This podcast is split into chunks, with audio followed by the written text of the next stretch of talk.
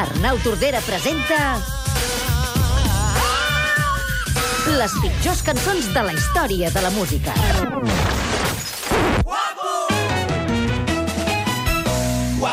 M'ho diuen quan passejo. Sap greu perquè això ja s'acaba, això de saludar cada dissabte i cada diumenge a l'Arnau Tordera. Arnau, bon dia, com estàs? Bon dia. Bé, home, també trist, també, també trist perquè això s'acabi. Avui penúltim programa. L'Arnau Tordera durant tot aquest estiu ens ha acompanyat a Catalunya Ràdio per expressar el que ell considera que són les pitjors cançons de la història de la música. Ens ha fet llistes musicals temàtiques. Hem repassat els Beatles, hem repassat rock català, hem repassat solos de guitarra, hem repassat veus femenines... I en aquest colofó final, avui, de què va la llista, Arnau? Bé, doncs avui vaig capir finalment que una de les causes principals de la baixada global del rendiment acadèmic dels estudiants autòctons és eh, el fet de, cre de créixer, diguéssim, enmig d'un ambient musical discutible des del punt de vista qualitatiu, que són, evidentment, les cançons infantils. O sigui, les cançons infantils, tu creus que és la base del problema de la ignorància un cop eh, les persones arriben adultes. Bé, és una cosa que passa inadvertida per molta gent, però jo m'he volgut fixar en què deien, en com estaven construïdes, i he descobert precisament això, que bona part de, dels problemes actuals es fonamenten i tenen el seu origen en aquestes peces. Perquè tu escoltaves cançons infantils quan eres un infant? No, no, a mi em tancaven en una càmera anacoica sense sol i vivia allà i creixia Ara en aquestes condicions. Ho entenc tot, ara. Quina és la primera cançó de la teva llista d'avui? Doncs bé, eh, ni més ni menys que una conegudíssima Cargol treu banya.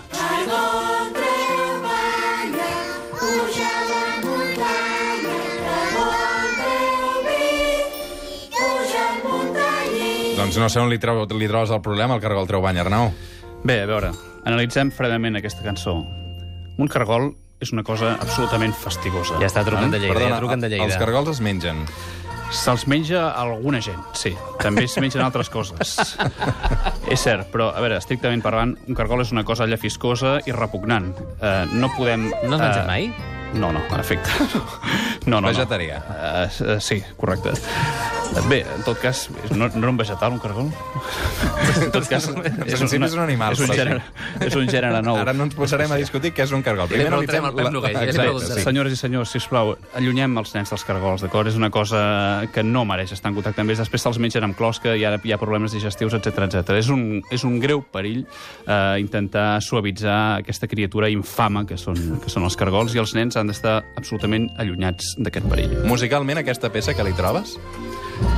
Bé, eh, les cançons populars sempre s'han construït sobre una simplicitat absoluta i diguéssim que aquesta peça no és una excepció davant d'aquesta paradoxa que ens, que ens suposa el que és el desenvolupament melòdic de la música popular.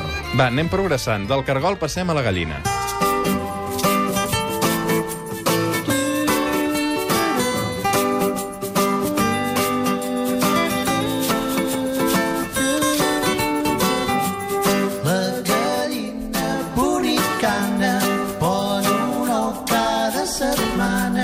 Setmana. I les de coses que s'aprenen escoltant aquestes cançons? Sí, sí, no. La gallina punicana. Exacte, pon un ou cada setmana. És a dir, aquí, evidentment, això és una cançó popular i la lletra mm, no se sap el seu, el seu autor, o potser és que va voler passar l'anonimat per sempre més, no? També seria un, un gest intel·ligent per part seva, no? El que més em fascina d'aquesta peça és la incongruència absoluta de la seva construcció, no? És a dir, comença amb una presentació, la gallina punicana pon un ou cada setmana.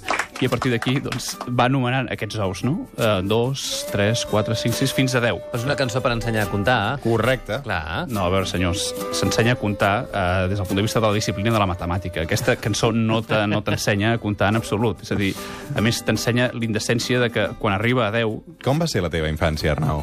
Va ser molt dura o...? No, absolutament extraordinària. Sí? Tinc un grandíssim record. Què escoltaves, Wagner?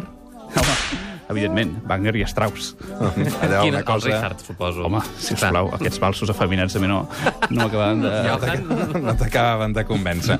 Molt bé, la gallina punicana veiem que no t'agrada, però si vols comptar, potser aquesta cançó t'agradarà més.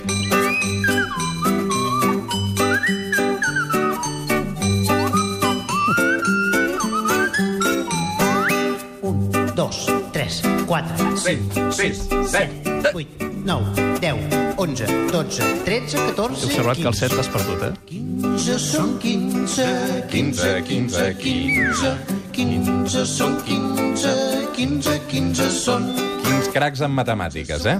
Senyors, o sigui, des del meu punt de vista, és, sens dubte, la cançó més estúpida de la humanitat.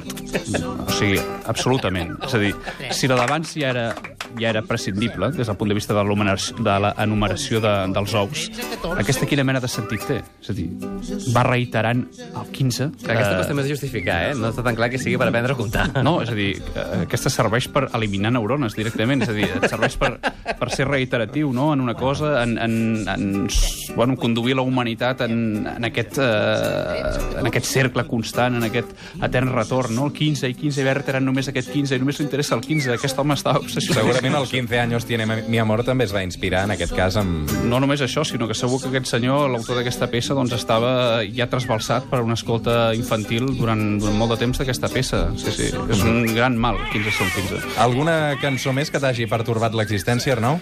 Sens dubte, una peça que remunta, pel que sembla, al segle XVIII, quan el pare no té pa. El el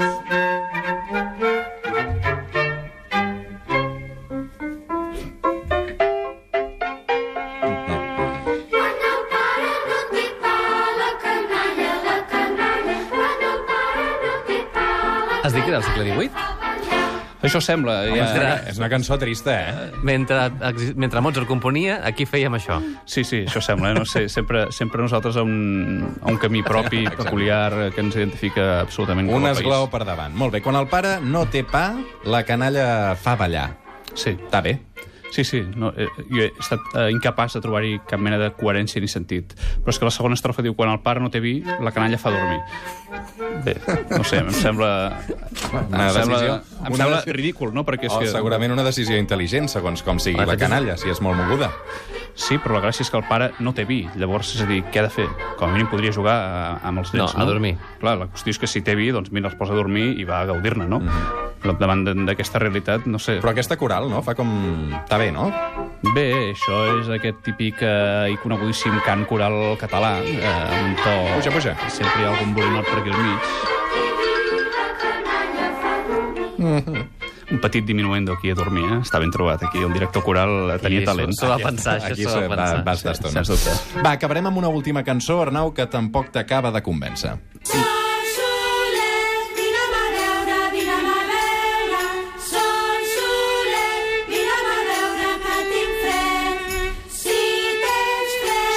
Eh, per l'amor de Déu, és a dir, hem d'advertir els nens dels perills de la vida. El Sol és una grandiosa bola de plasma eh, a 15 milions de graus centígrads i, i que si et ve a veure et desintegraràs abans que comencis a cantar la cançoneta. No? És a dir, el que deia a l'inici, no? no? No estem advertint a, a, als nens ni a l'infància en general dels perills de la realitat de la vida i aquesta peça n'és un exemple Home, queda clar que tu aquest estiu no has pres gaire el sol. Per què ho dius? Bueno, perquè estàs blanc de pell. No, però això és degut a les meves transfusions sanguínies constants. Ah uh, en qualsevol cas, tu de petit no escoltaves el Sol Solet, queda clar. No, no, absolut, ja ha quedat clar que escoltava Tannhauser. I també ens ha quedat clar que tu fas servir crema solar per protegir-te dels perills del sol. Sí, en efecte. És una cosa que convido tothom a fer-ho, eh, a deixar davant d'aquest tipus de repertori musical, eh, nutrir els nostres infants amb, amb música de qualitat i, so, sobretot, amb lírica decent. Ara, Mira, com que portes tot l'estiu rajant de diferents eh, grups eh, musicals, de diferents estils, de solos de guitarra, de tot això que explicàvem, demà, que és l'última secció, farem una cosa. Demà fotrem a parir les cançons de la teva banda, les cançons d'obeses. Bé, em sembla un gest absolutament extraordinari i amb ganes de criticar aquesta gent i especialment el seu cantant. Doncs ja tens feina. Fins demà, Arnau, que vagi bé. Fins demà. adeu.